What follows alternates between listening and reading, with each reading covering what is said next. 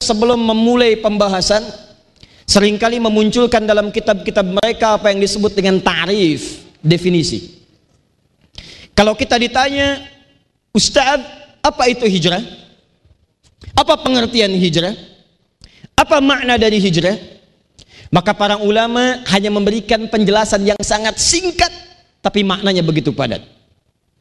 Kalau disebutkan hijrah, maka tidak ada makna lain dalam syariat kecuali berpindah pada satu keadaan atau kondisi yang disukai dan dicintai oleh Allah Subhanahu wa taala. Berpindah pada satu keadaan atau kondisi yang disukai dan dicintai oleh Allah Subhanahu wa taala. Awas hati-hati jangan salah paham. Hijrah itu tidak selalu maknanya pindah tempat. Kalau Anda berpindah tempat tapi menuju pada tempat yang tidak disukai oleh Allah, maka itu tidak disebut hijrah dalam bahasa Arab. Orang Arab menyebutnya dengan intikal, hanya sekedar pindah tempat saja. Anda tinggal di Banten, rumah dekat masjid, peluang ke masjid banyak, rajin ibadah ke masjid, rajin ikut pengajian, rajin ikut taklim, tiba-tiba pindah tempat dari Banten, misal pindah ke daerah lain, misal pindah ke Bali, di tempat misalnya satu daerah yang kebetulan jauh dari masjidnya. Masjidnya jauh, tempat taklim tidak ditemukan, sehingga membuat kebiasaan Anda berubah. Tadinya dekat dengan masjid, sekarang jauh dari masjid. Tadinya rajin ke masjid, sekarang jarang ke masjid. Maka yang seperti itu belum disebut dengan hijrah dalam pengertian syariat. Di hijrah tidak harus selalu pindah tempat tapi merubah keadaan kita lebih dekat dengan Allah Subhanahu wa taala. Contoh. Saya berikan gambaran di sini. Ini kelihatan tidak? Tidak, belum saya tulis bagaimana bisa kelihatan. Ya. Saya tulis dulu baru kelihatan, ya hijrah itu tetap membuat kita rasional. Tidak ada orang hijrah langsung jadi hebat, ya. Kelihatan? Belum. Nah, itu dia. Nih, contoh. Anda tinggal di sini. Di sini masjid. Ini speaker masjid ngadapnya ke rumah Anda begini. Ini rumah, ini masjid nih. Jarak rumah ke masjid cuma 5 meter speaker masjid ngadepnya ke rumah langsung di kamar anda di sini tapi rumah sudah dekat masjid kendaraan punya sepeda ada motor lengkap mobil juga ada masjid dekat speaker ngadap ke rumah tapi belum ada getaran untuk sholat di masjid yang paling aneh yang jaraknya 500 meter tidak punya sepeda motor apalagi mobil mimpi pun tidak masih bisa menggunakan kakinya untuk jalan ke masjid. Ini yang 5 meter, jarak rumahnya dekat, kendaraan lengkap, speaker ngadap ke rumah, belum tergerak ke rumah untuk kedatang ke rumah Allah Subhanahu wa taala. Azan tiap hari berkumandang, lima waktu diperdengarkan. Apa jawabannya? Allahu Akbar, Allahu Akbar. Tahu kayak kemarin? Tahu. Besok jalan lagi, Allahu Akbar, Allahu Akbar. Kecilin dikit dong volumenya. Ah. ini yang repot. Tapi sayangnya Allah pada setiap hamba jangankan yang begini. Fir'aun saja. Jangankan yang begini. Fir'aun saja. Kenal Fir'aun? Ayo kenal aduh yang sebelah sana kenal Fir'aun. Tuh semuka bumi tidak ada yang menyaingi orang Banten. Cuman orang Banten yang kenal Fir'aun. Orang Serang tak Fir'aun saja jahatnya luar biasa. Coba lihat. Hobi Fir'aun itu ini hobi nih. Hobi Fir'aun hobinya bunuh orang. Bunuh orang. Dahsyat kalimatnya Quran surah kedua Al-Baqarah ayat 49 paling kiri sebelah atas. Cara bunuhnya itu bukan main-main. Jadi kalau ada pembunuh sekarang dia telat. Ketinggalan zaman dia. Keduluan. Dan dia tidak kreatif. Makanya kalau mau jadi pembunuh mendingan gak usah. Sudah ada yang duluan. Bagaimana cara bunuhnya? Lebih kejam. Wa idh najjaynakum min ali fir'auna yasumunakum su'al adzab yudzabbihuna abna'akum Fir'aun dikabarkan oleh rahibnya Fir'aun tinggal itu di masa Nabi Musa alaihi salam Nabi Musa itu jaraknya ke Nabi Muhammad sallallahu alaihi wasallam 2000 tahun Jarak Nabi Isa ke Nabi Muhammad 600 tahun. Di zaman Nabi Musa muncul Firaun 2000 tahun sebelum lahir Nabi Muhammad sallallahu alaihi wasallam. Jarak kita ke Nabi Muhammad 15 abad 1500 tahun. Jarak kita ke Firaun 3500 tahun. 3500 tahun yang lalu sudah ada seorang manusia yang bengal, seorang yang bengis, seorang yang kejam. Kata Allah ketika diinfokkan, "Hei Firaun," kata dukunnya, akan lahir nanti seorang anak kemungkinan dia menghancurkan kerajaanmu. Maka apa kata Firaun? Setiap ibu yang tengah kelihatan mengandung maka mesti didampingi oleh dua orang algojo. Dua algojo. Satu pengamat. Pengamat. Pengamat kelahiran. Sekarang ada pengamat cuaca sekarang ada pengamat politik sekarang ada pengamat ekonomi zaman Firaun pengamat kelahiran lihat siapa yang borojol lihat siapa yang dilahirkan kalau yang lahir laki-laki, ah ini persoalannya. Yudzabbihuna abna'akum. Algojo kedua, siapkan pisau khusus. Ambil anaknya, kemudian langsung sembeli di hadapan ibu yang baru melahirkannya. Perhatikan, Firaun kurang kejam apa lagi? Nyembelinya bukan nyembeli biasa karena di Quran ada dua kata sembelihan. Satu nahara, nun hara. Inna a'tainakal fasalli li rabbika wan. Kenapa menggunakan kata nahara? Karena yang disembeli di sini maksudnya unta. Unta disembeli tidak dijatuhkan terlebih dahulu. Tapi unta disembeli dalam keadaan berdirinya.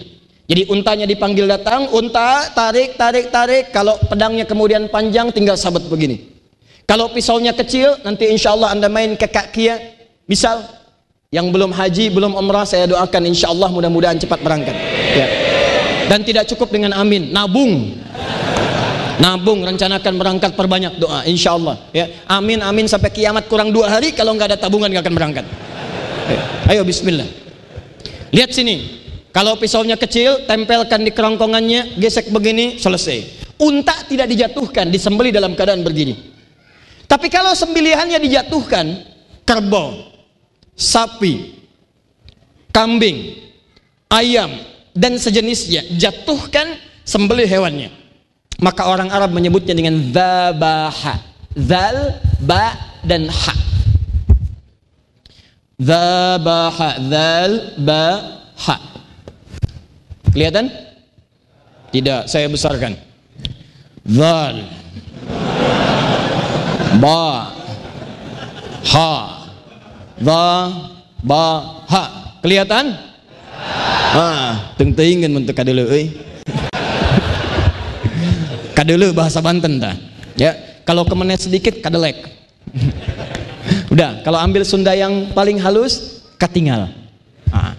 lihat zabaha jatuhkan hewannya sembelih kemudian tapi kalau disembelihnya berkali-kali begini gorok gorok gorok gorok gorok itu pakai tasdid di atas huruf baknya zabaha zabaha pakai tasdid perhatikan sini saya mau tunjukkan bagaimana Nabi Muhammad SAW mengajarkan kita menyembelih dalam sembelian hewan. Kata Nabi, "Idza dzabhtum fa ahsinu dzibha." Kalau Anda satu saat akan menyembelih hewan kurban atau hewan lain yang diperkenankan, maka baguskan sembelihan. Dzibha itu maksudnya sekali potong. Sekali gesek, jatuhkan hewan, sekat sekali begini, selesai. Kata Nabi jangan zolimi hewannya. Makanya dalam aturan Islam kemarin Idul Adha itu nggak boleh nyembeli hewan yang satu di depan hewan lain yang belum disembeli.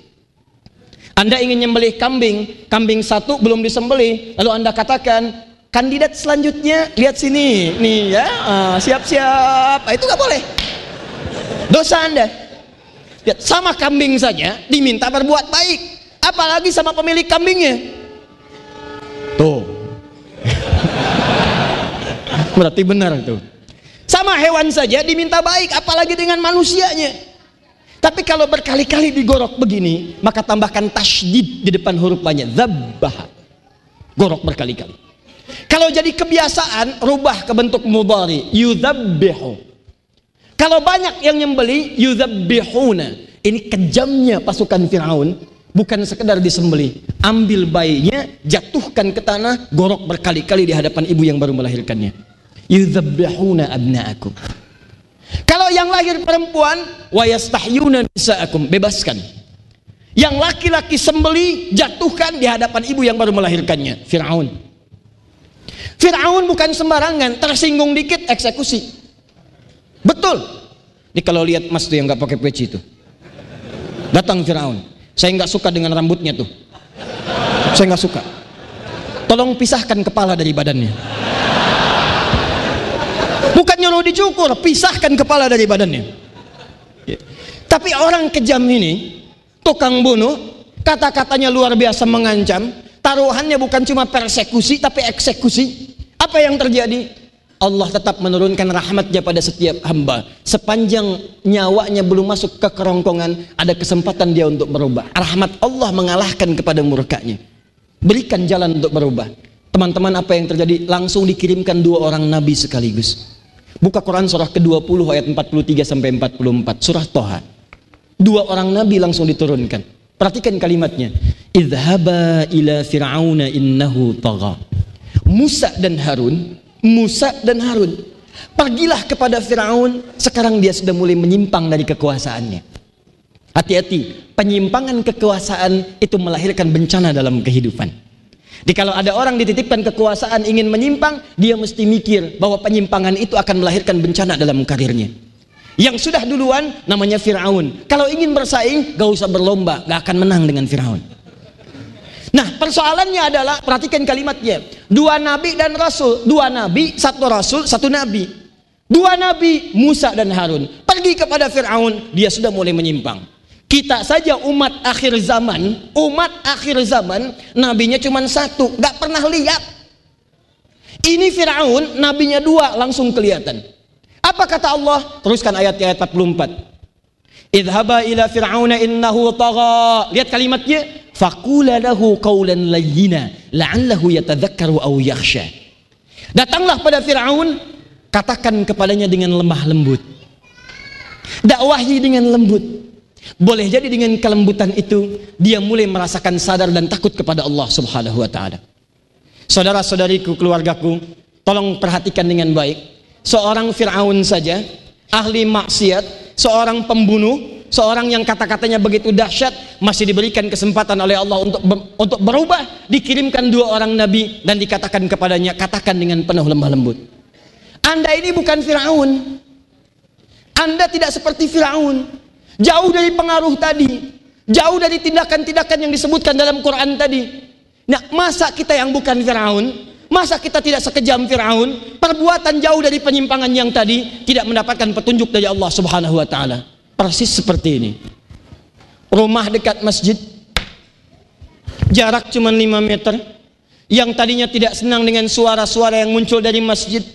Tidak senang dengan menunaikan salat berjamaah. Belum tentu keadaan itu akan berlalu sampai dengan wafatnya kepada Allah subhanahu wa ta'ala.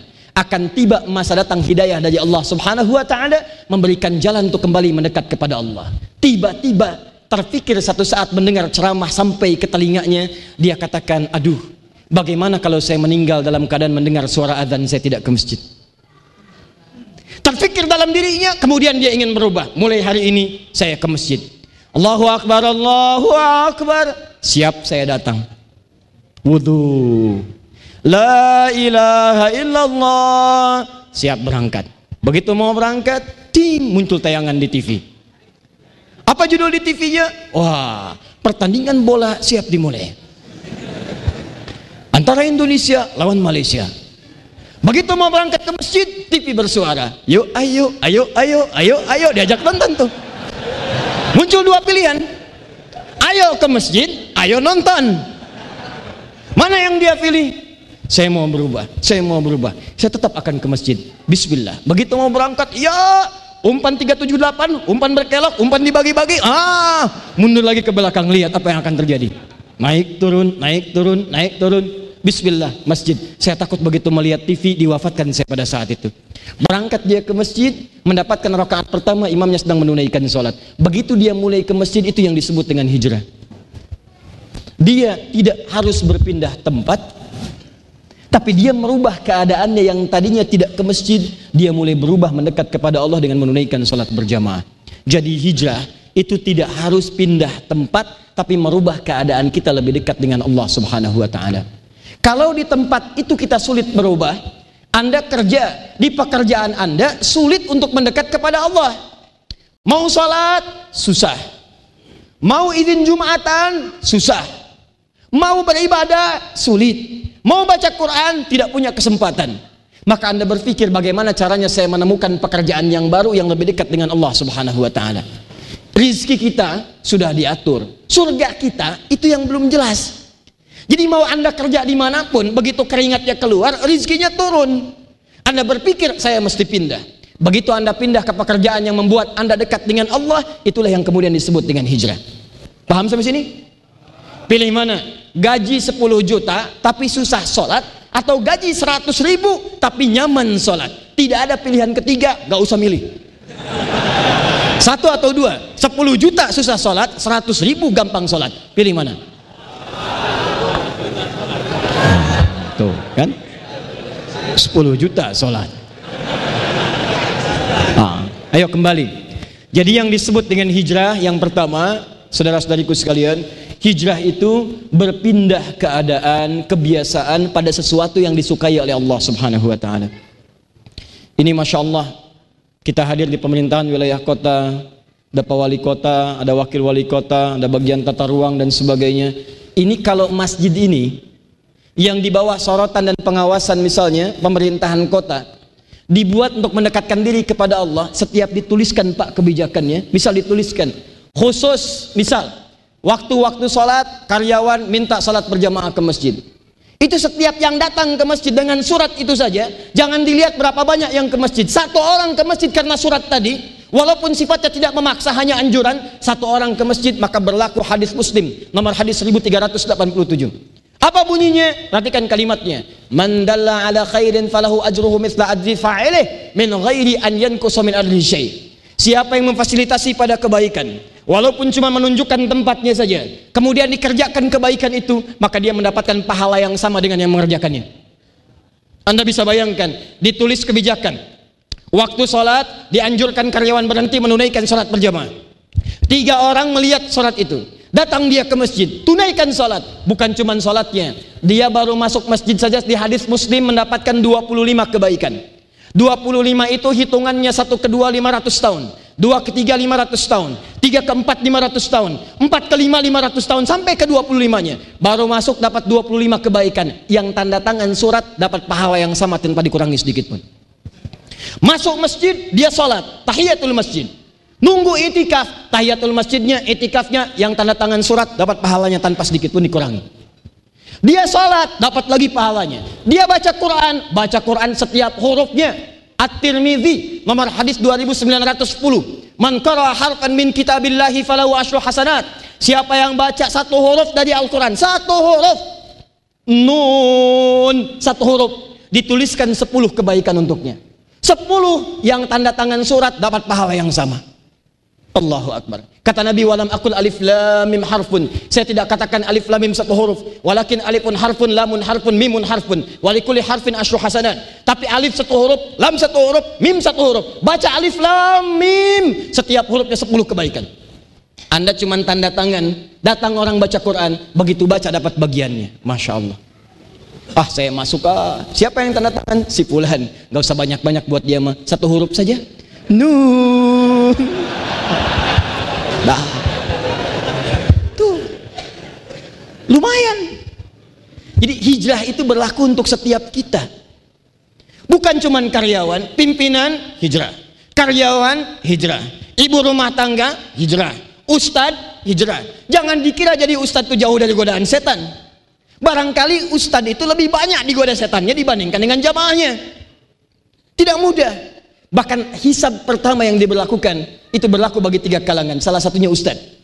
Di hadis Muslim Abu Daud Ibnu Majah An-Nasai disebutkan tiga golongan yang pertama kali akan dihisab.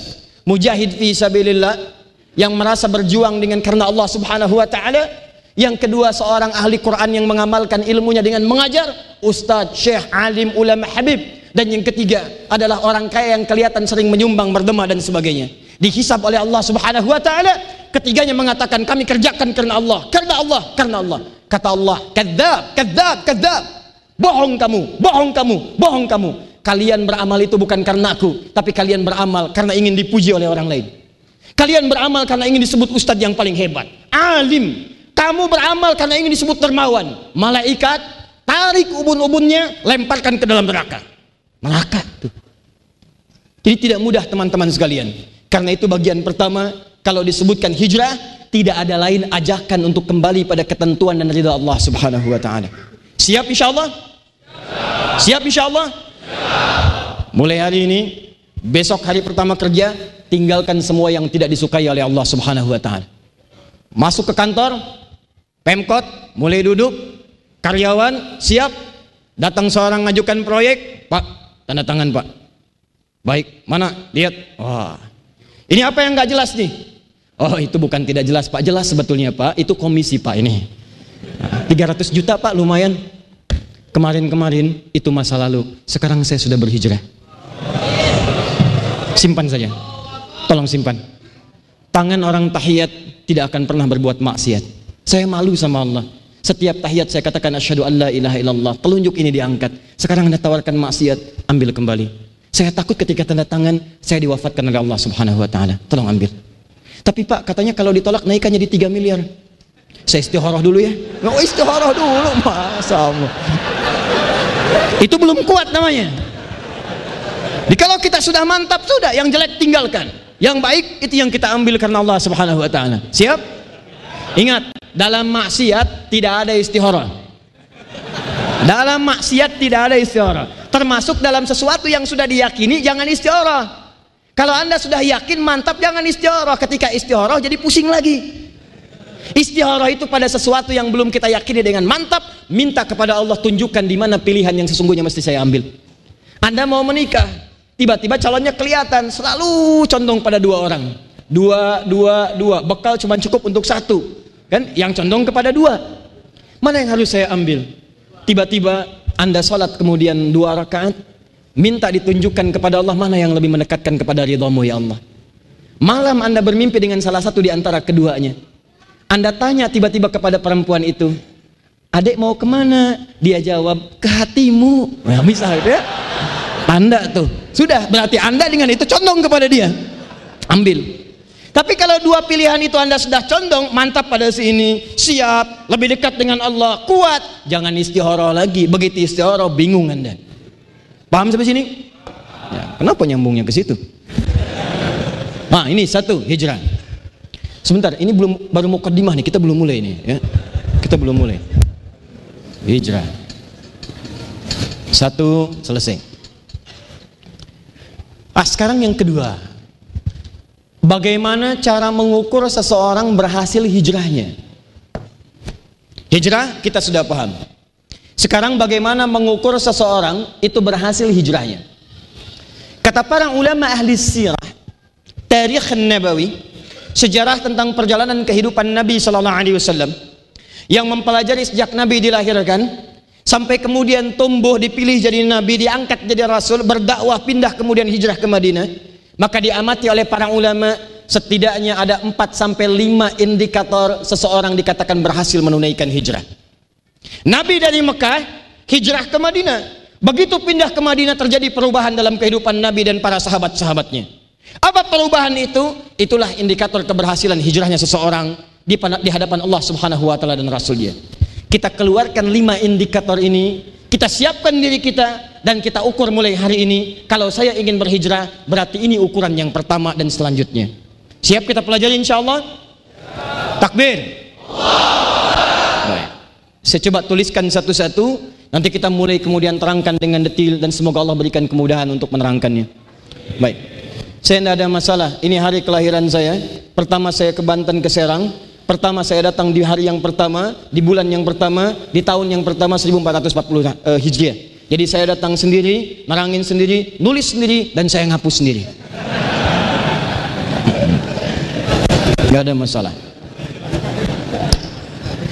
Kalau cuman gerah gak ada masalah. Padang mahsyar lebih panas daripada ini.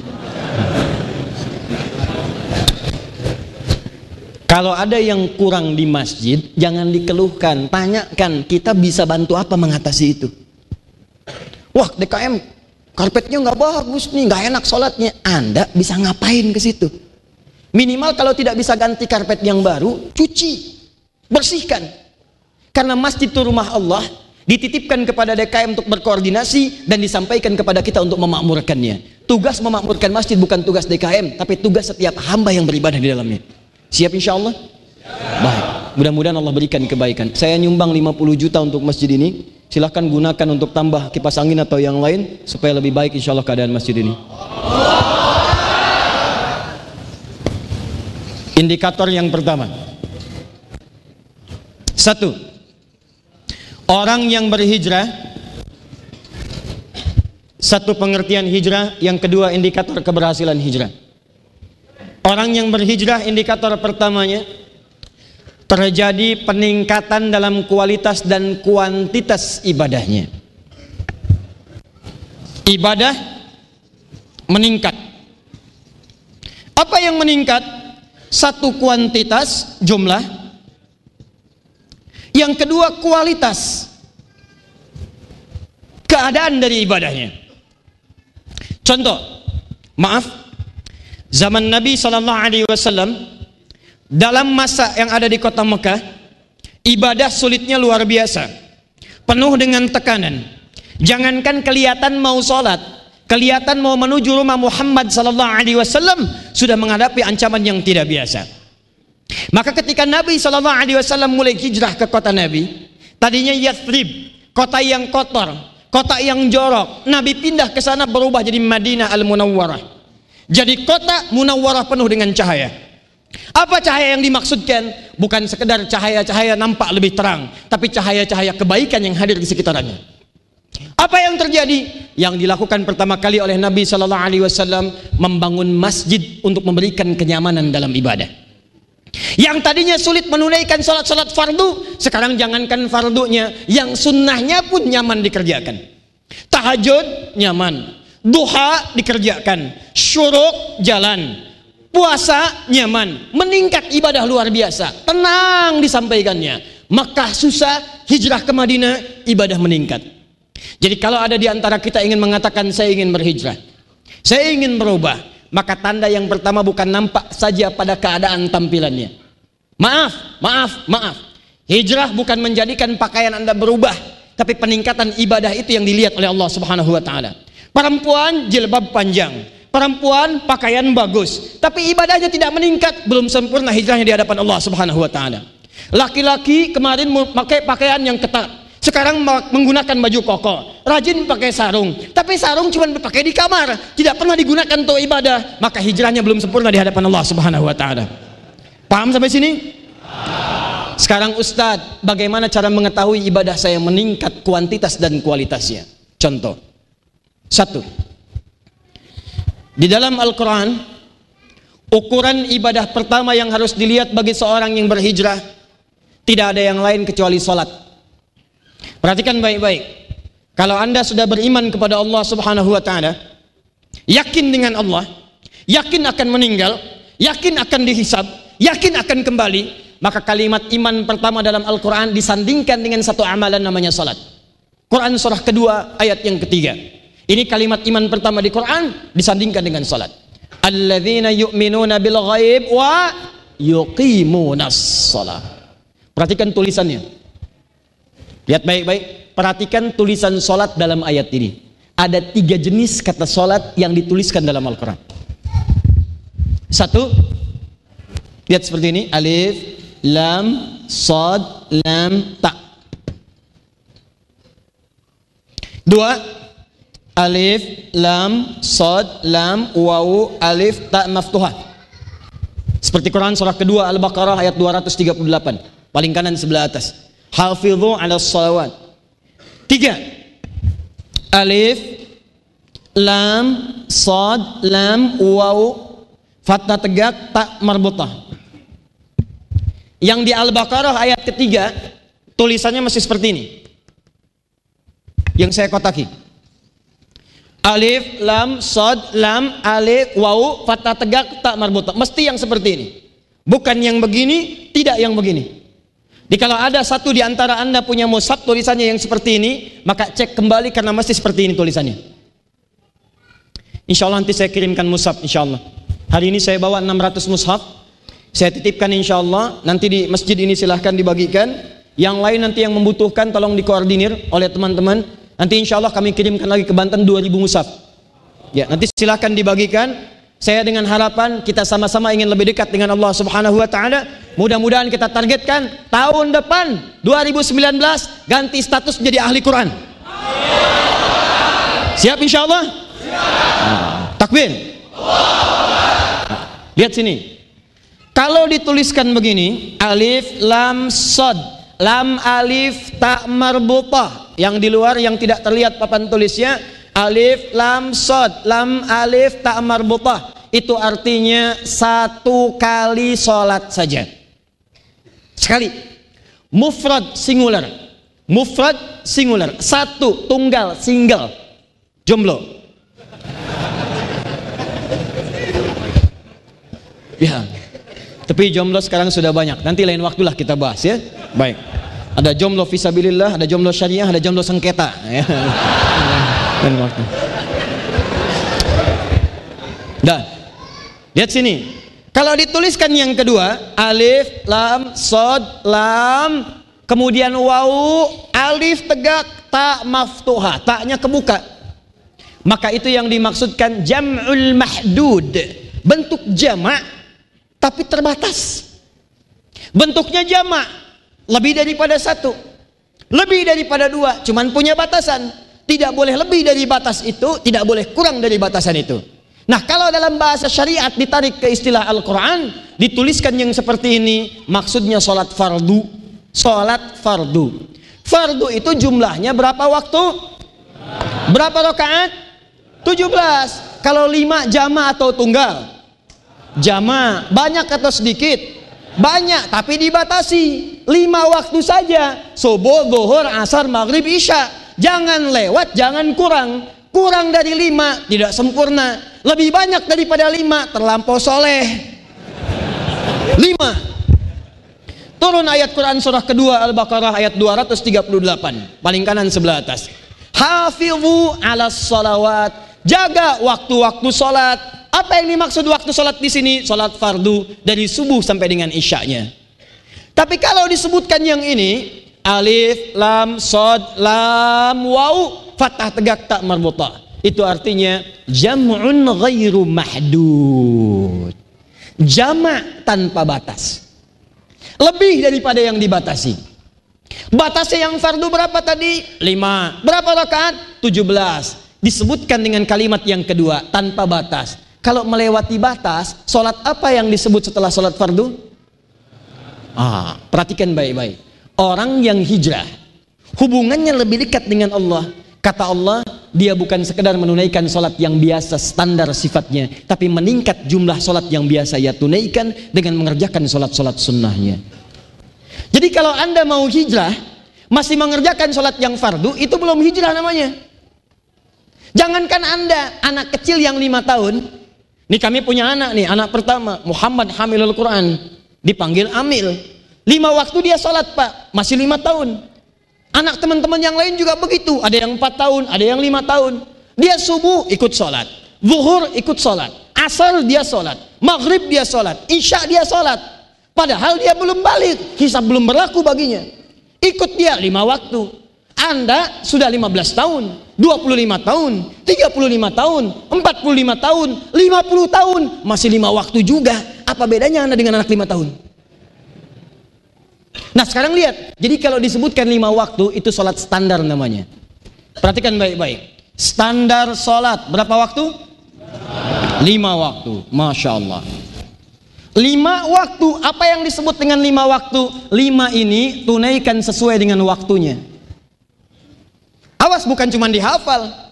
Subuh, zuhur, asar, maghrib, isya. Dua, empat, empat, tiga, empat. Hafal. Tapi yang disebut lima waktu, lima ini tunaikan sesuai waktunya.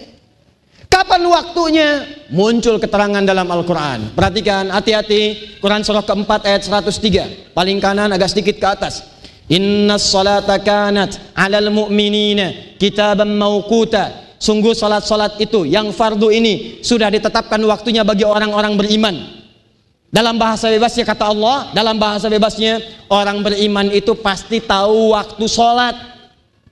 Jadi kalau ada di antara kita belum tahu waktu sholat, ini menunjukkan imannya bermasalah. Contoh, subuh jam berapa? Nah, empat, empat,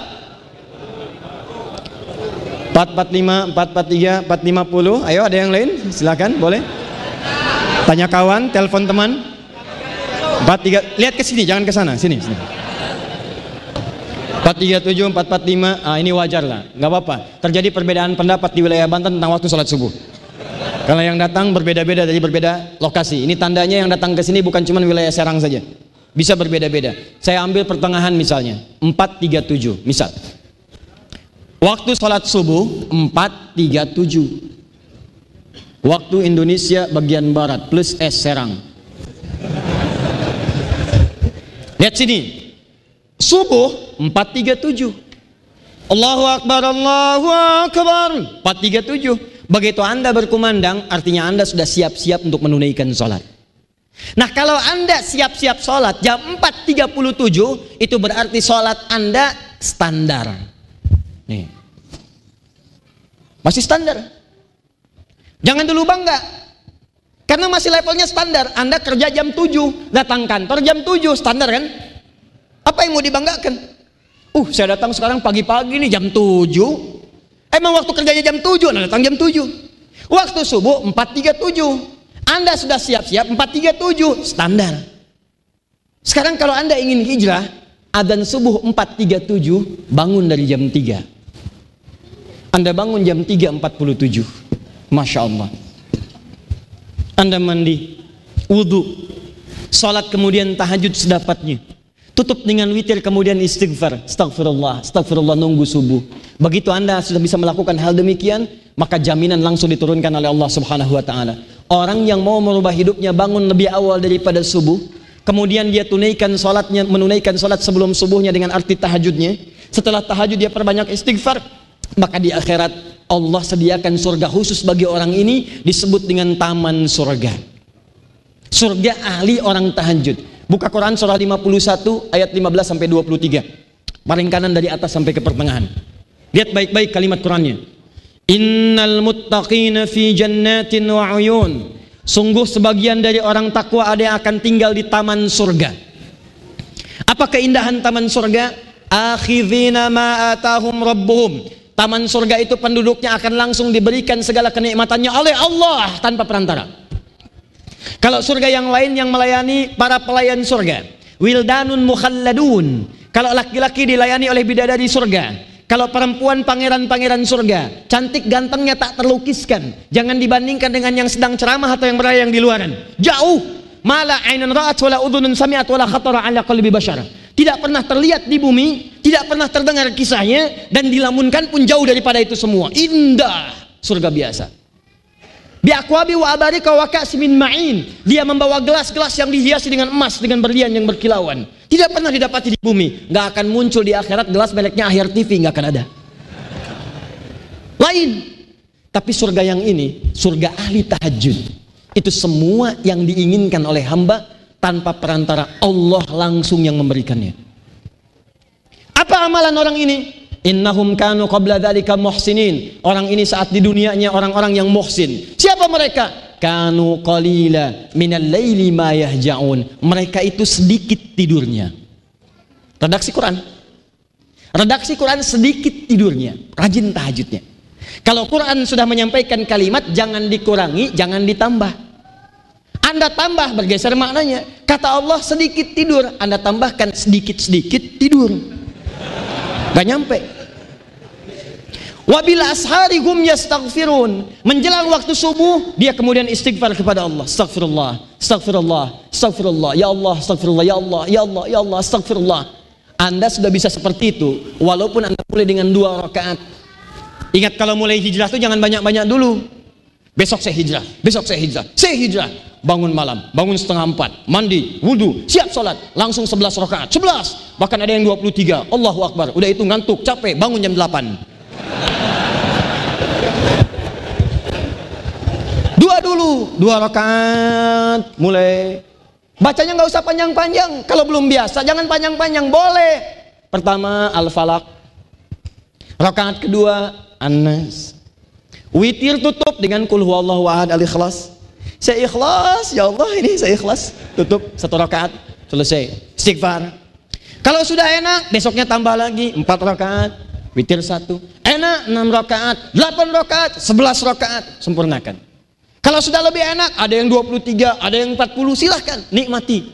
Itu menandakan Anda sudah mulai hijrah di sisi Allah Subhanahu wa taala. Nanti ya, saya katakan dari sekarang. Kalau kemarin-kemarin ketinggalan sholat fardu masih biasa. Allahu Akbar, Allahu Akbar. Udah adzan tuh, baru adzan belum komat, tenang aja.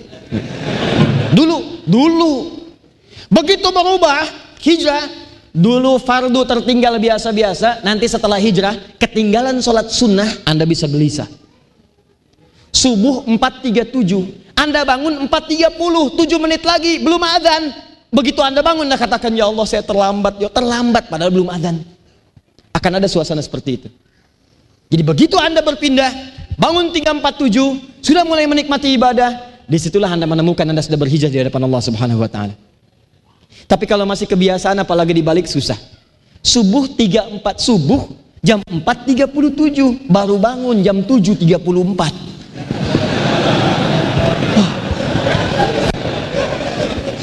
Terus pengen masuk surga lagi, itu yang keterlaluan. Ayo, siapa yang tidak punya dosa? Boleh angkat tangan.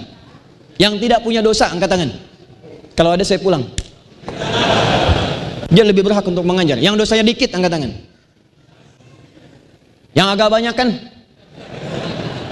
Yang banyak. Oh, susah kita. Saking banyaknya sulit angkat tangan.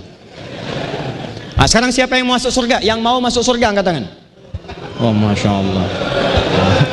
Yang surganya Firdaus angkat tangan. Bersama Rasulullah Wasallam angkat tangan. Oh, ini dia. Oh, oh, oh, oh, oh. Tapi aneh, ngaku banyak dosa, cuman pengen ke surga. Nabi Adam dulu kesalahannya dikit, cuman makan buah kuli, cuman dikit keluar dari surga. Antum dosa banyak, pengen masuk. Jadi kalau kita tidak mencontoh Nabi Adam, Nabi Adam tuh Nabi maksum, dijaga dari salah. Cuma kenapa diperkenankan beliau salah? Bukan untuk Nabi Adam, yang untuk anak cucunya yang bukan Nabi, yang pernah berbuat salah, dia ingin mencari jalan untuk kembali. Makanya ketika beliau diperkenankan salah bersamaan dengan itu turun ayat tuntunan tobat.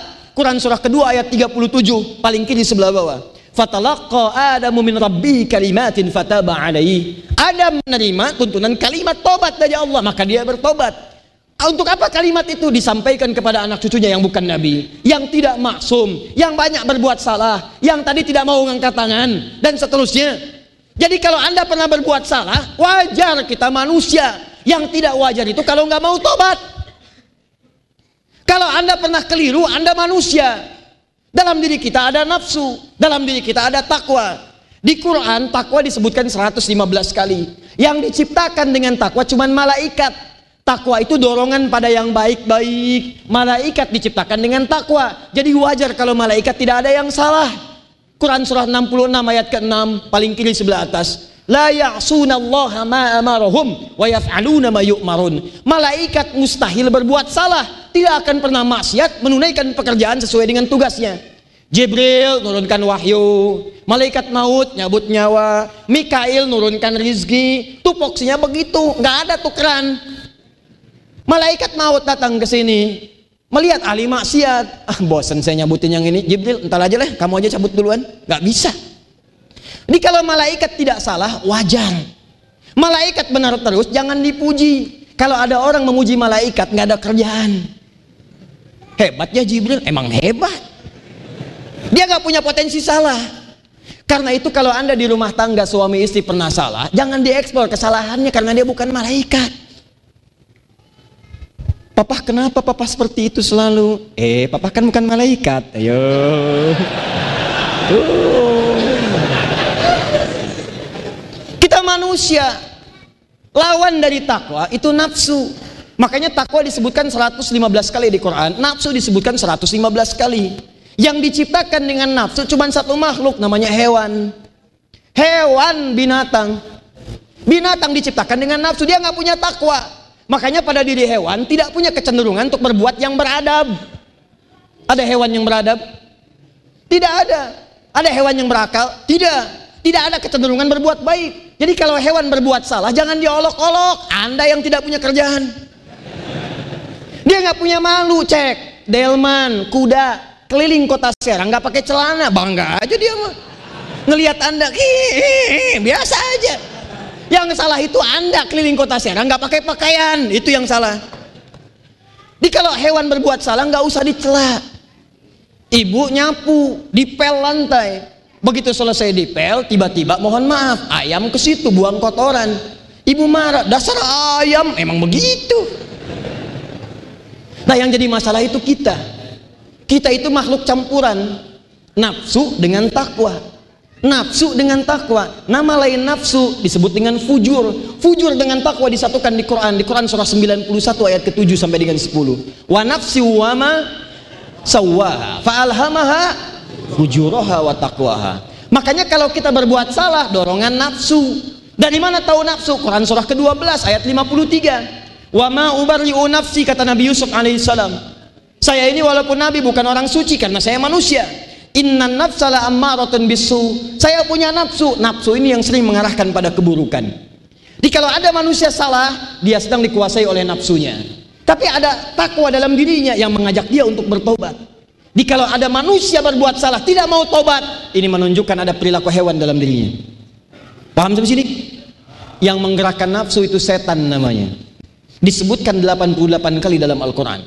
Malaikat mendorong takwa disebutkan 88 kali. Setan mendorong nafsu disebutkan 88 kali. Di sekali lagi kalau kita sedang berbuat salah ada peluang untuk bertobat. Jangan dieksplor kesalahannya tapi dorong untuk berubah dengan lebih baik. Papa oh iya mama lupa. Papa kan bukan malaikat. Tapi nggak apa-apa jangan diulang lagi ya. Iya mah mama kan juga bukan setan. Maafkan ya mah ya. Ah enak tuh. Oh, ini kan susah. Kadang-kadang saling mempertahankan diri itu yang repot. Suami oleh Quran disebut dengan matahari diibaratkan dengan matahari.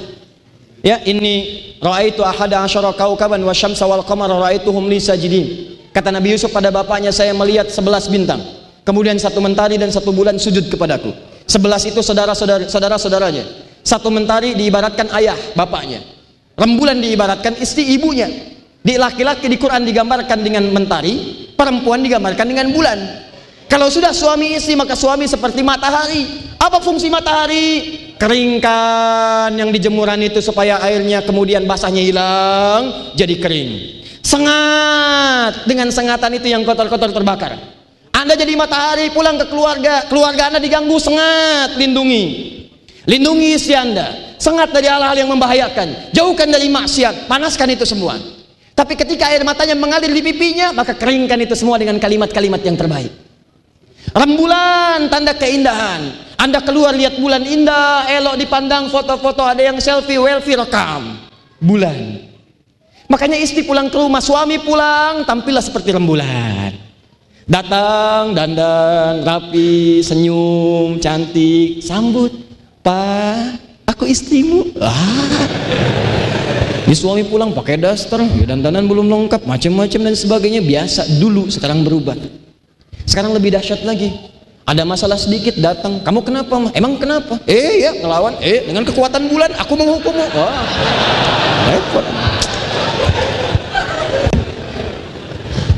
Eh sudah.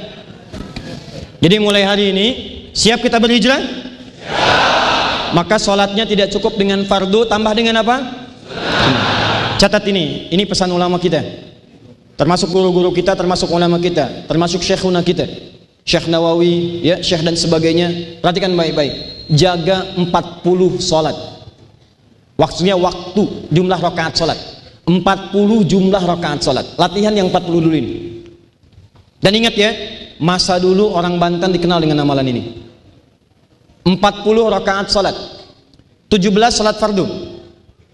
Subuh 2, duhur 4, asar 4, maghrib 3, isya 4 17 11 tahajud standar salat malam. Dari mana dapatnya 11 ini yang standar. Al-Bukhari nomor hadis 2008 sampai 2010 paling kanan sebelah bawah dari hadis riwayat Sayyidah Aisyah radhiyallahu taala anha maka Rasulullah SAW yazidu fi Ramadan wala fi ghairi Ramadan ala 11 raka'atan saya selama Nabi tinggal di rumah saya di rumah saya di rumah Sayyidah Aisyah saya perhatikan kalau sholat malam tidak lebih daripada 11 rakaat di Ramadan atau di luar Ramadan. Ya yusalli arba'an, thumma yusalli arba'an, thumma yusalli thalathan. Salat empat rakaat, salat empat rakaat, salat tiga rakaat. Empat, empat, kemudian tiga. Tapi kalau di rumah Sayyidah Maimunah, lihat misalnya di hadis Abu Daud. Bisa diambil nomor hadis 1369. 1369. Riwayatnya sahabat Ibnu Abbas radhiyallahu taala anhuma. Beliau main ke rumah Sayyidah Maimunah, bibinya beliau, istrinya Nabi sallallahu alaihi wasallam, kemudian menunggu Nabi bangun di malam hari, Lantas kata beliau, beliau kemudian bangun. Apa yang diucapkan pertama kali? Fajalasa. Duduk dulu. Ini sunnahnya. Bangun duduk. Famasaha biyadaihi athara naumi. Kemudian menghapus bekas kantuknya. Thumma qara'a khawatimu surah Ali Imran. Membaca 10 sampai 11 ayat penutup surah Ali Imran. Kemudian membaca doa, Alhamdulillahilladzi ahyana ba'da ma amatana wa ilaihin nusyur. Dikuatkan di Al-Bukhari nomor hadis 181. Riwayat sahabat Jundub bin Junada yaitu Abu Dzar Al-Ghifari. Setelah itu, thumma dhaba ila shinil mu'allaqah. Pergi ke toilet, fatawaddoa kemudian beliau berwudu. Setelah itu menunaikan salat 13 rakaat. Formasinya 2 2 2 2 2 2 1.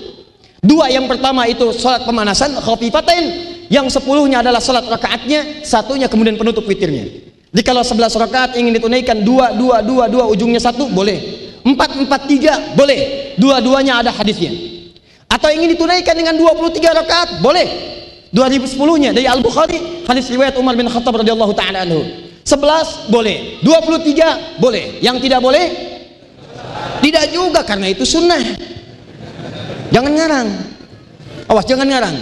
Tidak hanya tidak tidak utama saja. 11 malam, 17 fardu. 11 tambah 17 28 tambah lagi 12 yang sholat rawatib sholat rawatib dalilnya at-tirmidhi nomor hadis 586 dari Ummu Habibah radhiyallahu taala anha apa bunyi hadisnya an ummil mu'minin ummu Habibah radhiyallahu taala anha dari ummul mu'minin ummu Habibah semoga Allah meridai kepada beliau. Qalat.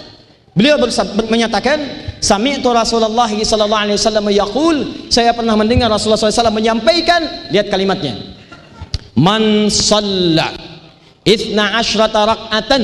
Siapa yang menunaikan salat 12 rakaat Fi yaumin walailatin Yang mengiringi salat fardunya siang sampai dengan malamnya. Arba'an qabla zuhri 4 rakaat sebelum zuhur 4 sebelum zuhur Rak'ataini ba'daha 2 rakaat setelah zuhur 4 tambah 2 6 Rak'ataini ba'dal maghrib 2 rakaat setelah maghrib 6 tambah 2 8 Rak'ataini ba'dal isya, dua rakaat setelah isya, 10. Wa rak'ataini qabla subhi, dua rakaat sebelum subuh, 12. Kalau Anda bisa kerjakan itu konsisten sampai dengan Anda wafat, kata Nabi akan diberikan bonus. Apa bonusnya? Bunya lahu bihinna baitun fil jannah. Orang ini akan dibangunkan baginya satu rumah khusus di surga untuknya. Siapa yang sudah punya di rumah di surga angkat tangan? Yang sudah punya rumah di surga angkat tangan? Nah kalau kita merasa belum punya rumah di surga Dari sekarang bahannya sudah ada Ayo kita bangun sama-sama 28 tambah 12 jumlahnya 40 Ini yang standar Kalau sudah bisa tambah duha Bagus Tambah syuruk Bagus Qobli hasar 4 rakaat Boleh Kemudian di antara adzan dengan iqamat 2 rakaat Boleh. Kalau anda sudah bisa konsisten dengan ini Maka anda masuk pada golongan yang ini. Hijrah. Terakhir. Terakhir. Uh, ini maksud terakhir itu terakhir pada nomor yang pertama pada bagian yang kedua. Masih ada empat poin lagi. Udah setengah sebelas ini mas. Bagaimana? Terus? Tidak ada agenda taklim yang lain tidak ada oh, sudah saya jangan dihentikan ya baik kalau gitu kita teruskan baik dua awas hati-hati nih hati-hati Sholatnya ningkat. Tahajud dikerjakan. Duha jalan. Syuruk tidak tinggal. Cuman sayang kualitas belum berkembang. Apa di antara kualitasnya? Awas hati-hati. Ada sindiran dalam Al-Quran yang halus tapi dalam. Kata Allah, banyak orang sholat tapi tidak memahami, tidak mengerti apa yang dibaca dan dilakukan dalam sholatnya. Saya tanya pada bapak ada yang ada di sini, yang kelihatan. Dari sekian anda sholat, ribuan kali ruku, ribuan kali sujud dari takbir sampai salam. Pertanyaan saya, jujur tanyakan pada hati Anda, berapa persen bacaan sholat yang sudah dipahami? Jangan-jangan selama ini sholat tapi nggak ngerti yang dibaca. Bagaimana sholat kita bisa khusyuk kalau nggak paham yang dibaca? Bagaimana bisa menikmati sholat kalau nggak ngerti yang dilakukan? Anda sholat urusan dunia saja kerja nih kerja. Kalau nggak ngerti pekerjaan kan mustahil dikerjakan dengan benar. Urusan dunia yang sementara sampai kursus, training, ikut pelatihan, sekolah diikuti TK, SD, SMP, SMA, sampai ke S1, S2, S3, S4, kerupuk 2, dingin. Oh. Sampai banyak diikuti untuk paham kenapa sholat yang kita kerjakan tiap hari sampai sekarang ada yang belum dipahami. Pantas sholat itu tidak menghadirkan kekhusyuan karena nggak ngerti yang dibaca. Cek. Abu Dawud nomor hadis 857. Ini kata Nabi ini. Sholat yang betul itu di antara yang paling utama kita mesti mengerti apa yang dibacakan. Sebab kalau kita nggak paham yang diucapkan kata Nabi, ini baru takbir aja, setan tuh udah memberikan was-was. Nggak percaya nanti ya, nanti zuhur di sini, antum sholat, ini pasti terbukti. Sebelum takbir kita bisa fokus di begini. Tapi saat tangan diangkat mulai takbir, Allahu Akbar. Fayaqulu kata Nabi, begitu Anda mengatakan Allahu Akbar, maka setan berkata, ingat ini, ingat itu, uzkur kada, uzkur kada. Kalau nggak percaya, lihat saat duhur nanti nih. Begitu Anda takbir, sebelum takbir biasa. Begitu takbir, Allahu Akbar. Tiba-tiba apa yang tidak ingin Anda ingat, semua bisa ingat kunci mobil ada di mana, handphone belum dibalas, miss call, WA macam-macam. Tadi selfie nggak jadi lupa, oh muncul semua, muncul. Bahkan kalimat saya ini itu akan disebutkan lagi. Jadi begitu anda takbir, kata setan hati-hati, kata Ustadz Adi, setan akan membisikkan supaya kamu ingat sesuatu. Itu setan. Hadisnya belum selesai. Lihat ujung hadis dia, hatta la yash'ural musalli kam rak'atan yusalli. Sampai-sampai nanti kata Nabi, kalau Nabi katakan itu pasti terjadi. Kata Nabi, nanti ada orang sholat tidak sadar berapa rakaat sedang menunaikan sholatnya. Tuh, udah ngangguk. Kalau Nabi katakan begitu pasti kejadian. Bahkan ada orang sholat nggak sadar dia sedang sholat berapa rakaat. Subuh itu cuma dua rakaat. Tapi kondisi tertentu bisa nggak sadar ini rokaat keberapa ya? Dan baru takbir dia. Bagaimana cara mengatasinya? Dicontohkan oleh sahabat Sayyidina Abu Bakar radhiyallahu taala anhu. Abu Bakar itu kalau takbir saja baca teman-teman. Di antara cerita-cerita orang-orang soleh, sahabat-sahabat Nabi ada kitab itu bagus karangan Mbah Hashim. Syekh Hashim Muhammad Hashim Al-Ash'ari. Beliau menulis 19 kitab Kitab keempatnya namanya An-Nurul Mubin fi Mahabbati Sayyidil Mursalin. An-Nurul Mubin fi Mahabbati Sayyidil Mursalin. Bagaimana cara kita mencintai Nabi sallallahu alaihi wasallam? Dicontohkan amal-amalan soleh para sahabat. Nah di kisah yang lain di luar kitab tadi, Abu Bakar itu punya kebiasaan saat sholat beliau berusaha memahami bacaan sholat, menerjemahkan dengan pikirannya, memahami merasakan dengan hatinya. Dikenalah kemudian dalam sejarah begitu mulai takbir Allahu Akbar, lisannya mengucapkan Allahu Akbar, fikirannya menerjemahkan Allah Maha Besar. Hatinya meresapi ya Allah. Saya mengatakan tiap hari dalam sholat Engkau Maha Besar. Tapi saya takut kalau tiap hari merasa besar dalam kehidupan. Sombong dengan orang lain. Merasa paling hebat dari tetangga. Merasa paling dari, hebat daripada yang lainnya. Merasa yang paling pintar, yang paling kuasa, yang paling segalanya. Takut. Abu Bakar itu merasa paling khusyuk aja udah ketakutan jadi begitu mulai bertakbir sudah gemetar tangannya begini Allahu Akbar gemetar hampir mirip kita subuh-subuh sholat di luar di alun-alun gemetar tangan karena memahami apa yang dibaca ah jadi kalau kita bicara hijrah sudah nggak usah jauh-jauh dulu perbaiki sholat kita dulu tingkatkan kualitas sebab kalau sholatnya udah bagus Orang yang sholatnya benar kata Quran, itu hal pertama terjadi pada dirinya akan terjadi perubahan perilaku. Quran surah 29 ayat ke-45, Inna sholata tanha anil fahsya. Saya tutup dulu sesi pertama di sini.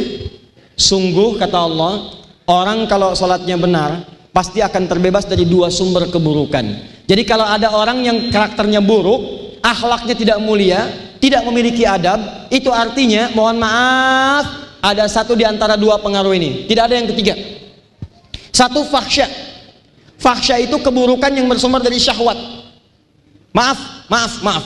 Kata-kata kotor, jorok, pornografi, porno aksi, LGBT itu fahsya.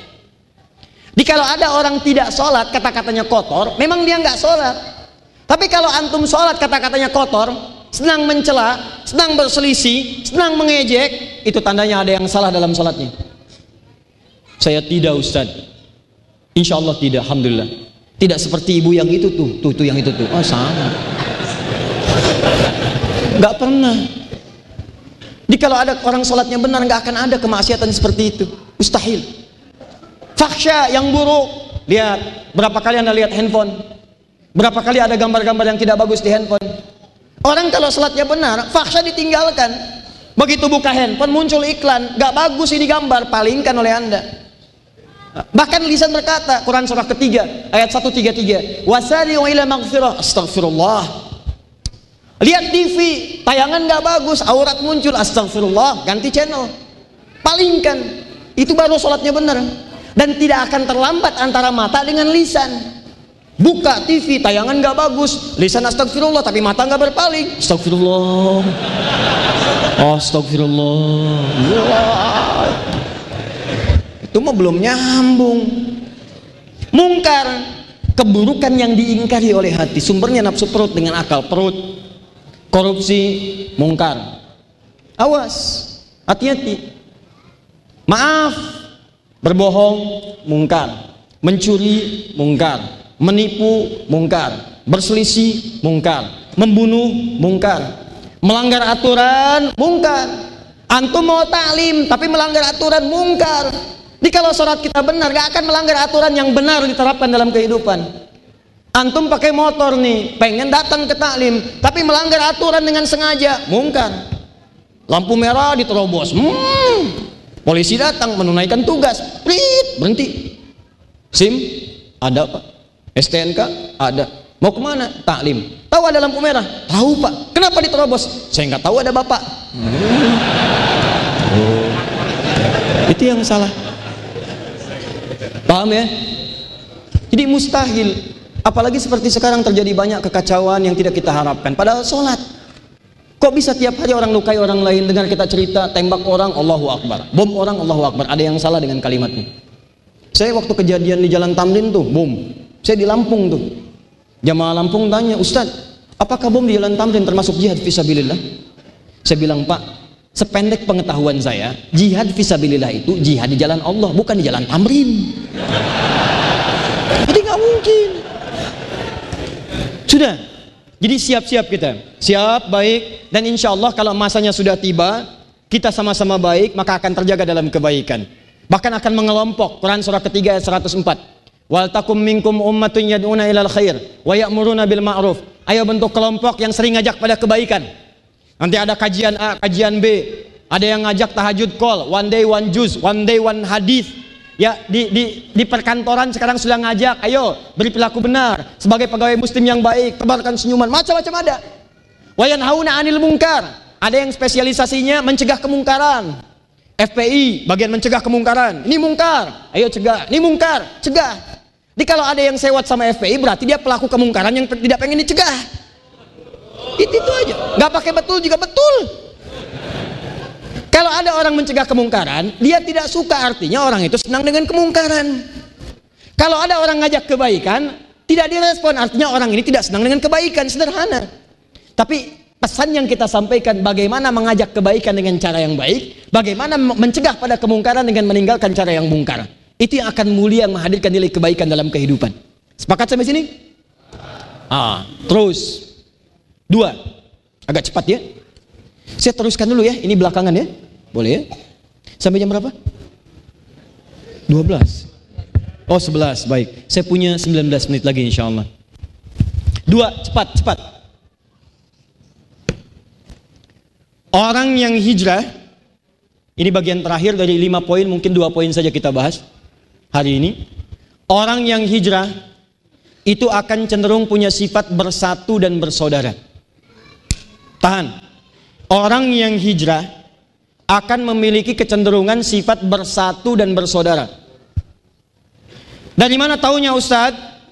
Bukankah saat Nabi Shallallahu Alaihi Wasallam hijrah ke kota Madinah, yang dikerjakan oleh beliau selain membangun masjid, meningkatkan kuantitas dan kualitas ibadah, bukankah mempersaudarakan Ansor dengan Muhajirin? Bukankah mempersaudarakan Aus dengan Khazraj yang bertikai? Nabi belum datang, Aus Khazraj itu dua kubu yang sering musuhan. Musuhannya bukan main-main. Di Aus ada yang dipukul, Khazraj harus dipukul. Di bukan Aus karena belum minum, Aus belum mukul. Di Aus ada yang tewas, di sana mesti ada yang tewas. Tiap hari berselisih, tiap hari rawan dari konflik. Datang Nabi Shallallahu Alaihi Wasallam dipersaudarakan. Innamal mu'minuna ikhwah. Orang-orang beriman itu bersaudara. Sepanjang dia bersaudara maka tidak ada celah untuk saling bertikai. Tidak ada celah untuk saling menyakiti. Maka Nabi contohkan, mana muhajirin yang hijrah dari Mekah ke Madinah? Datang. Mana ansor? Datang. Dipersaudarakan oleh Nabi Sallallahu Alaihi Wasallam. Nabi tidak melihat apa statusnya, tapi tidak tidak melihat apa profesinya. Nabi tidak melihat bagaimana kedudukannya. Yang hebat dan ini dilestarikan dalam Al-Quran, diabadikan di satu ayat. Teman-teman sekalian, maaf, yang haus dari muhajirin diterima oleh yang punya minuman oleh ansar.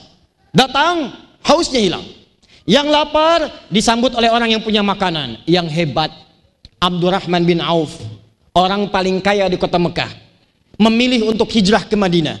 Kata orang kafir Quraisy, kalau kamu hijrah, harta kamu semua saya rampas. Rampas. Pilih hijrah atau tinggal di sini.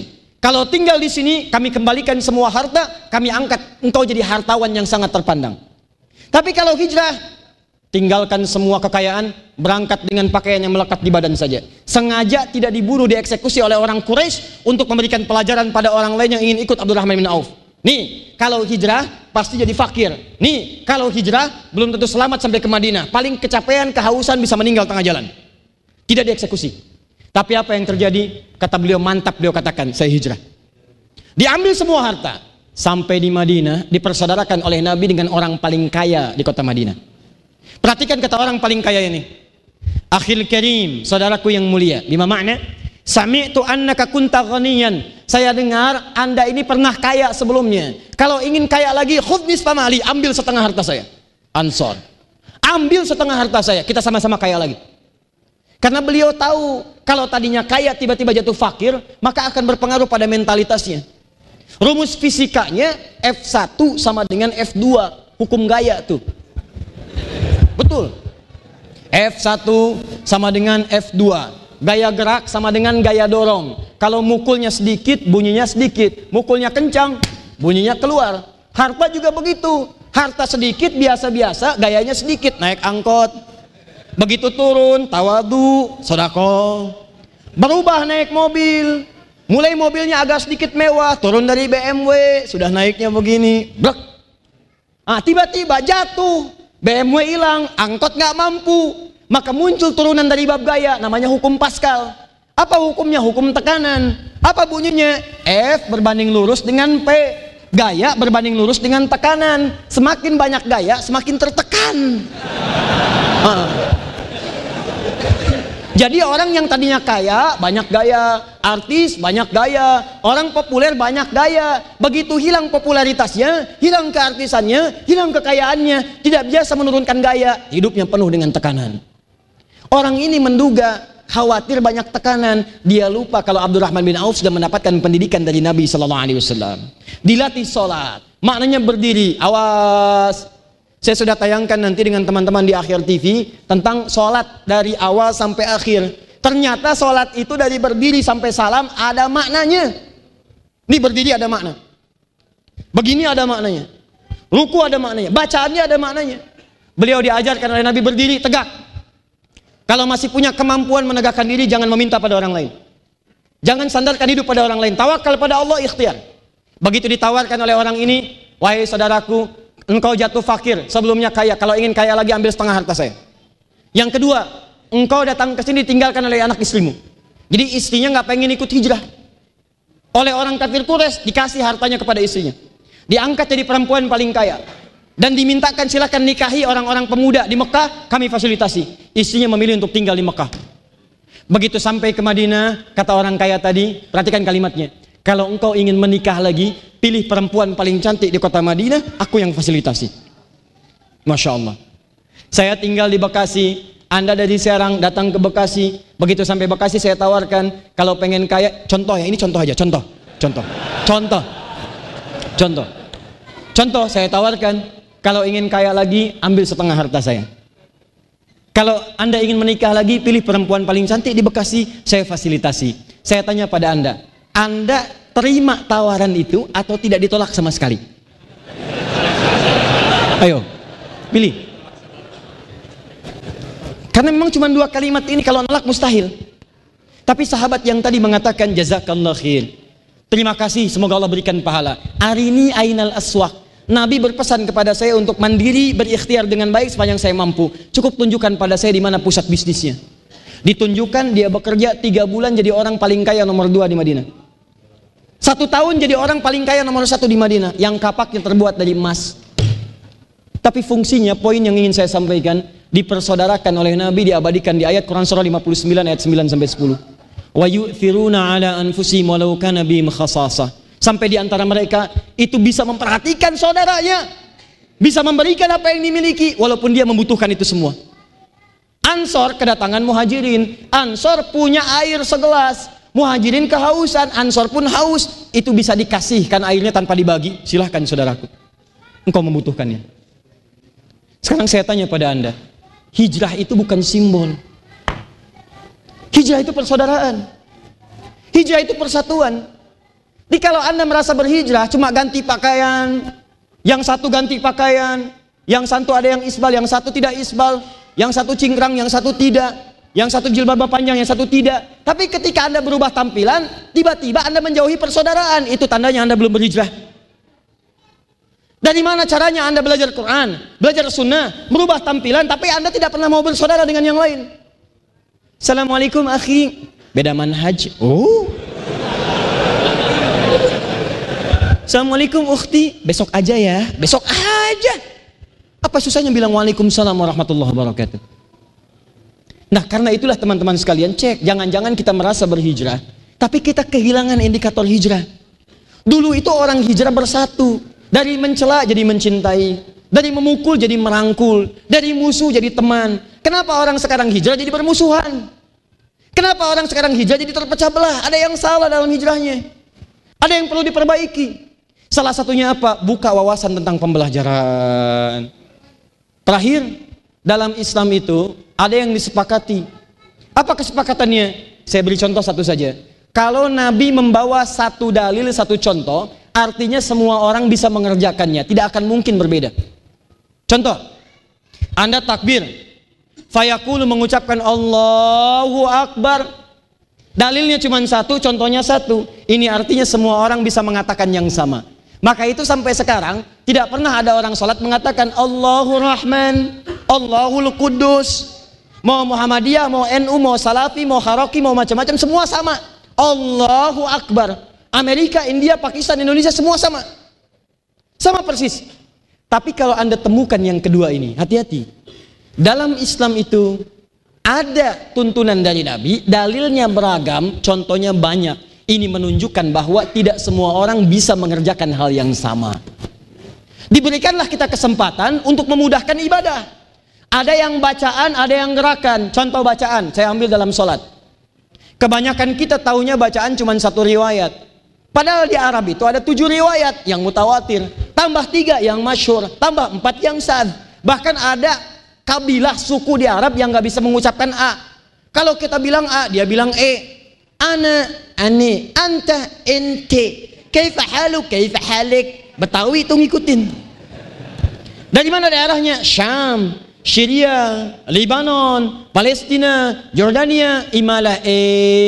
Orang Arab gak bisa mengucapkan a, e turun riwayat Quran dibaca dengan e namanya imalah imalah diriwayatkan oleh Imam Hamzah. Punya dua murid namanya Khalad dengan Khalaf.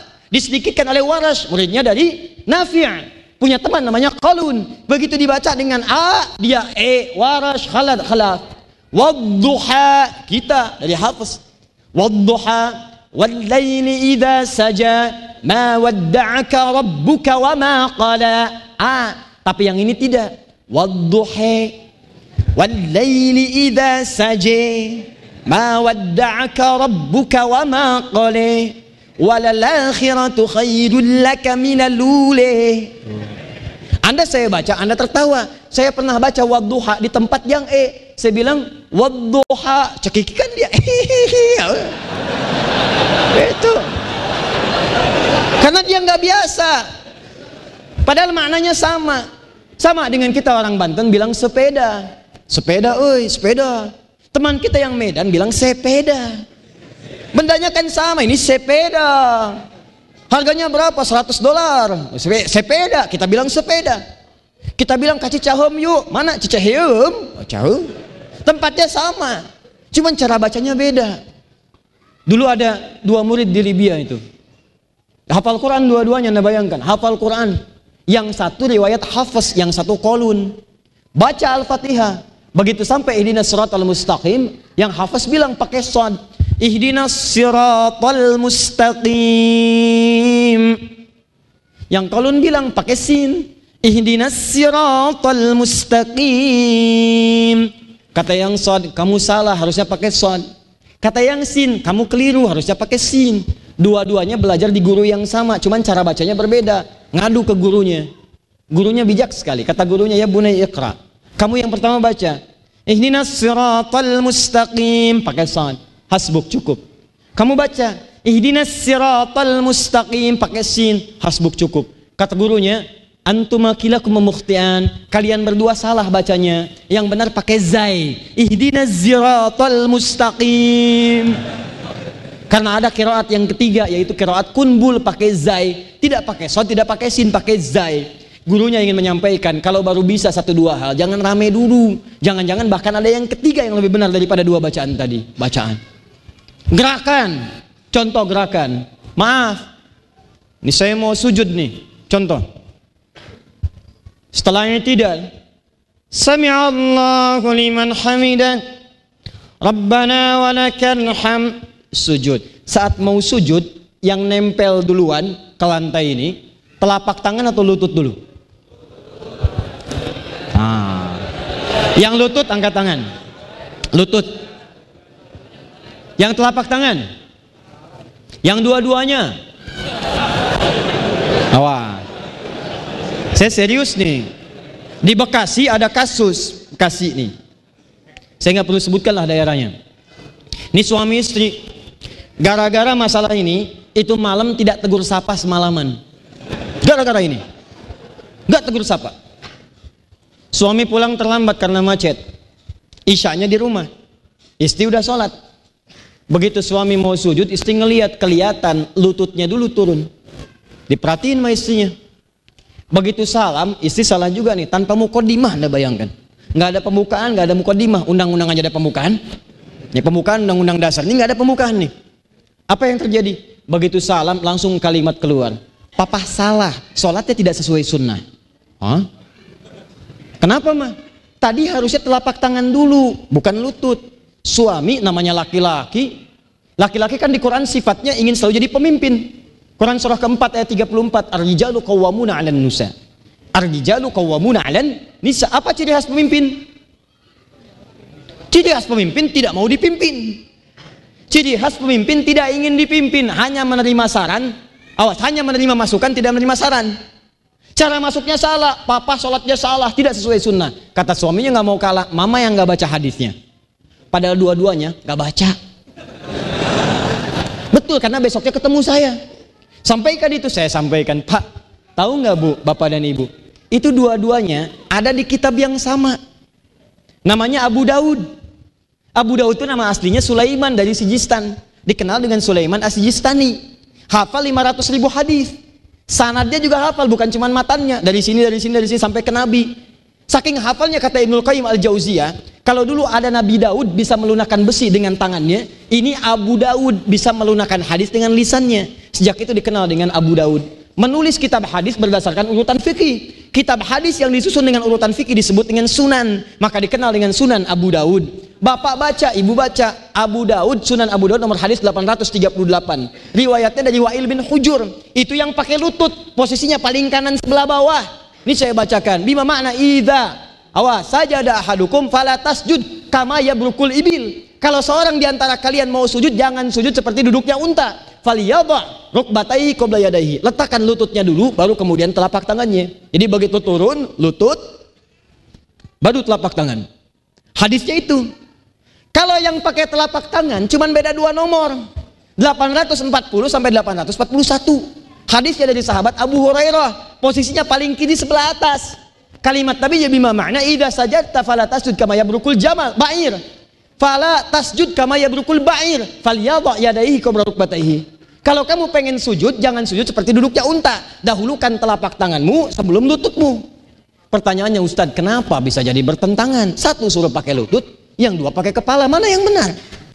Saya katakan dua-duanya benar. Yang salah itu yang pakai kepala duluan.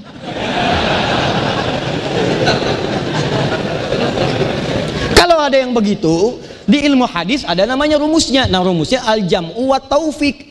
Jangan dipahami satu hadis, kumpulkan dua-dua hadisnya. Setelah itu bahas dengan mendalam baru tahu maknanya. Oh, Wa'il hadis yang pertama, Abu Daud nomor hadis 838, karena Wa'il itu masuk Islam duluan dibandingkan Abu Hurairah. Di awal-awal masa Nabi, nabinya fisiknya masih bugar, kuat. Di awal-awal masa sholat, begitu sujud pakai lutut duluan. Sedangkan Abu Hurairah, beliau masuk Islam tiga tahun sebelum Nabi wafat. Awal-awal usia 60-an. Tahun ke-7 hijrah, fisik Nabi sudah agak lemah. Biasanya kalau orang agak sepuh, apa yang kenapa salah duluan? Lutut. Makanya digambarkan dalam hadis, bair, bair itu unta tunggangan. Ingat, unta itu jangan semua diartikan unta karena ada empat jenis unta. Ibil, afala yanzuruna ilal ibili kaifa khuliqat. Jamal, hatta yaljal jamalu fi samil khiyat. Naqah, naqatallahi wa suqiyaha. Fakadzabuhu fa'aqaruha. Naqah, unta betina. Ibil, unta pada umumnya yang gak ada masalah. Bair, unta tunggangan. Jamal, unta jantan. Jadi kalau ada yang namanya Jamal, artinya apa?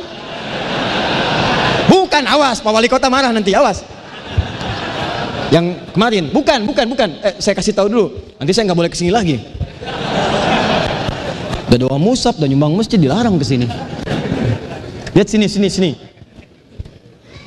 Saya tahu tuh bagus, khairul zaman ya, ah, bukan Jamal, zaman. Jamal ini ada Jamal begini, ada Jamalun. Nah, Jamalun. Kalau ini yang pertama artinya ganteng. Sifat-sifat keindahan. Jamal sifat-sifat keindahan. Kalau sifat keindahan itu melekat pada laki-laki, maka pemiliknya disebut Jamil, Jamilun. Nah, misal nama Anda Saiful, punya sifat keindahan, Saiful Jamil. Nah, itu ganteng. Nah, Kenapa? Contoh. Kalau perempuan tambah tak jamilah yang punya sifat keindahan. Nama ibu Mulan, Mulan punya sifat keindahan, Mulan Jamilah. Nah, deh. Sal, contoh. Tapi kalau ini Jamalun nggak pakai alif, unta jantan. Unta jantan. Jadi kalau ada Anda yang namanya Jamal, Anda mau umroh, mau haji, saya sarankan coba cek dulu namanya di visanya. Lihat tulisannya, yang ini apa yang ini? Saya serius. Jangan sampai ketulis yang ini nih. Nanti orang Saudi bingung begitu imigrasi. Repot tuh. Ya. Nah, kalau bair, bair tuh unta tunggangan yang punya beban. Jadi begitu punya beban, ketekan dia. Begitu ketekan dia dahulukan depannya. Ya unta itu punya berapa kaki? Uh, jangan ngarang kalau tidak tahu katakan Allah alam gitu aja. Unta itu setelah diteliti, itu hewan yang sangat istimewa. Pertama, dia punya selaput di matanya. Jadi kalau ada badai, dia bisa tutup, dia bisa jalan. Nggak mogok. Anda ke padang pasir pakai Mercy, pakai BMW, Lamborghini, Lamborghini, ada badai, mogok. Unta jalan aja. Dua, dia punya tembolok dan punuk yang bisa menampung air. Sekali minum bisa 100 liter. Main ke taman safari, begitu Anda masuk lewat parkiran A, sebelah kanan setelah gajah, sebelah kanan lagi unta. Nah, unta. Anda masuk sebelah kanan, kiri lagi sedikit ada tulisan di situ. Ada foto, ada dua di situ tulisan papan. Salah satunya mengatakan ini unta hewan Arab. Kecepatan bisa berlari 40 sampai 60 km per jam. Kemudian dia bisa meminum 100 air, 100 liter air. Kemudian disimpan di dalam punuknya salah satunya diubah menjadi lemak. Kalau dia kehausan lemaknya akan diurai lagi kemudian menjadi air. Sebagian disimpan di temboloknya. Bisa dia tahan minum, tidak minum sampai sebulan sampai tiga bulan. Sebulan sampai tiga bulan, gak usah bersaing, anda gak akan menang. Ya unta lebih jagoan. Baik, tapi kalau anda kemudian temukan, maaf ya teman-teman sekalian, itu ibil umum. Kalau bair, dia punya beban. Nah unta itu keunggulan yang ketiga, depannya itu tangannya, kakinya bagian belakangnya. Dia punya dua tangan, dua kaki. Kelihatannya kaki semua.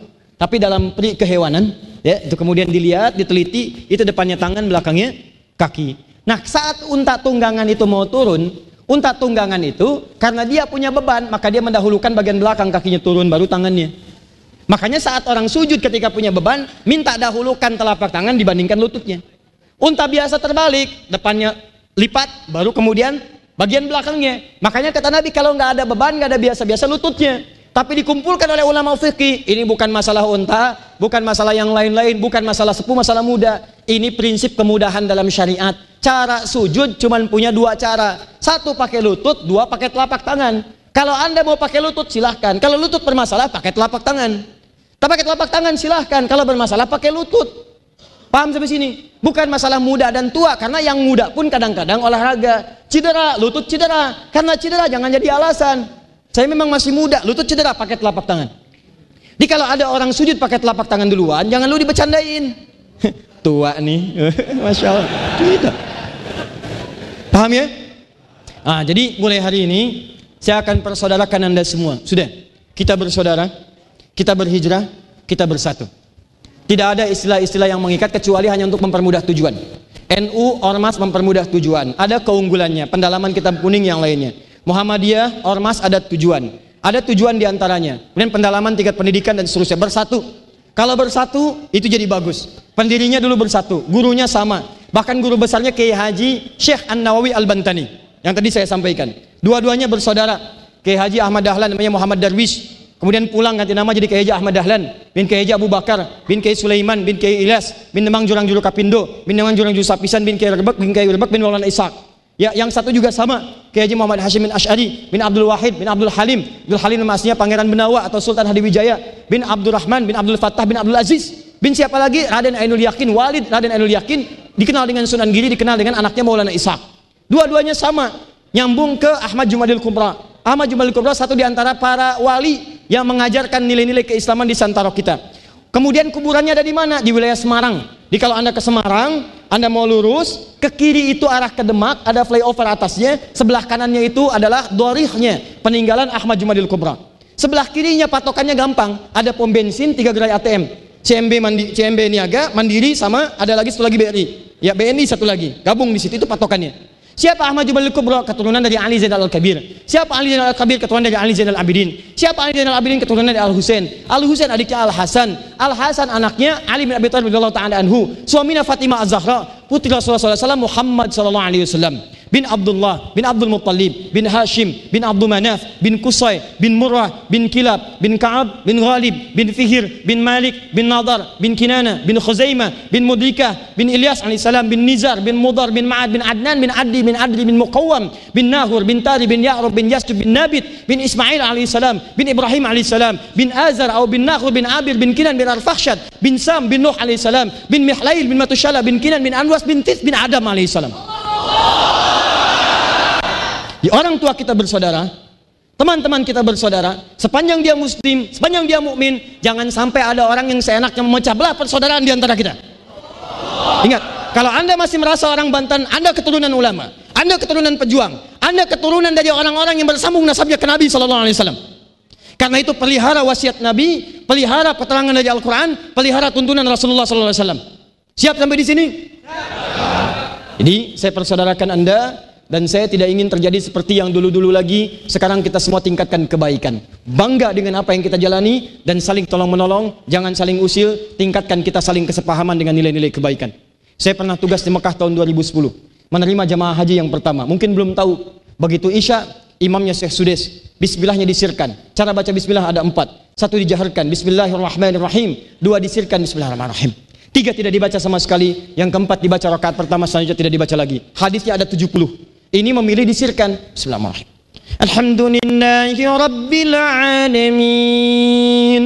Datang jemaah pertama. Uh, iki imamnya Muhammadiyah ya, Muhammadiyah. Muhammadiyah cabang Masjidil Haram.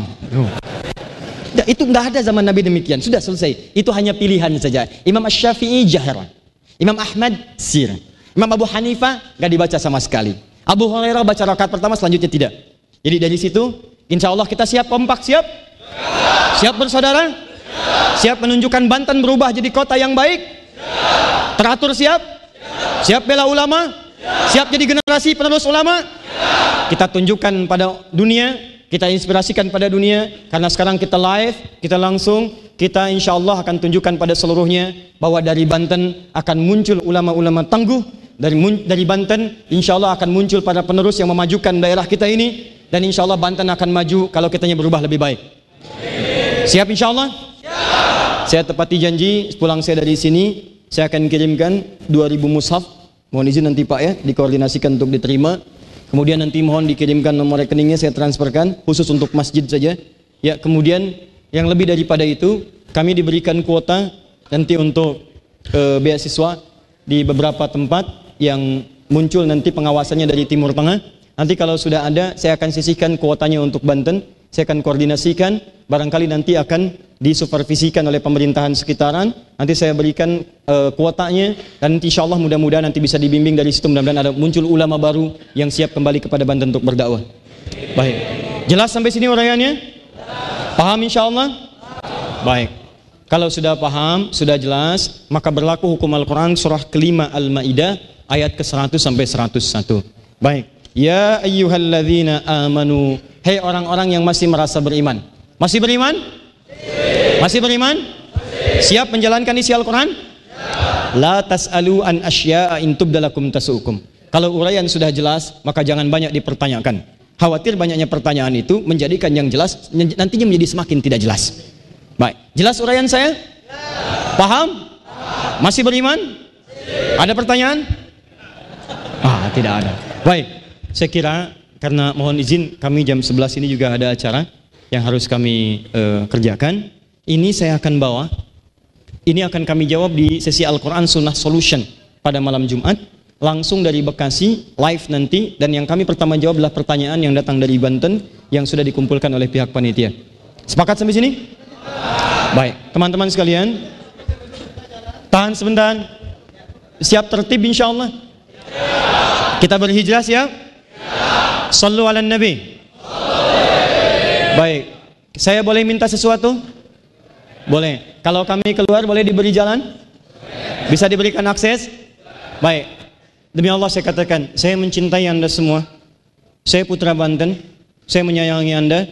Dan di mana pun saya berada, saya akan selalu mengatakan pada dunia bahwa saya dari Banten, saya membawa nama Banten, dan saya insya Allah mendoakan anda semua dengan izin Allah kita bersaudara dan kita akan melangkah ke surga bersama-sama dengan izin Allah Subhanahu Wa Taala. Subhanakallahumma bihamdika asyhadu an la ilaha illa anta astaghfiruka wa atubu ilaik wa akhiru da'wana alhamdulillah rabbil alamin wa afu minkum assalamualaikum warahmatullahi wabarakatuh.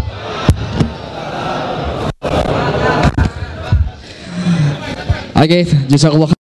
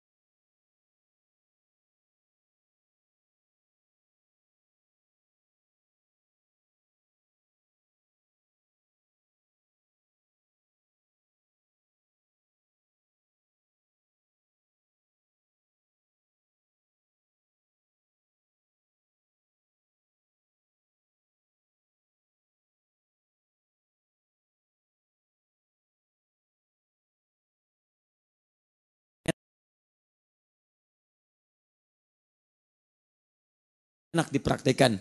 Ini yang menurut saya yang paling nyaman untuk saya. Karena tidak setiap orang bisa mengenakan pakaian yang sama. Tidak setiap orang nyaman dengan satu yang sama. Anda ada yang nyaman dengan lutut, yang lain menggunakan telapak tangan. Anda nggak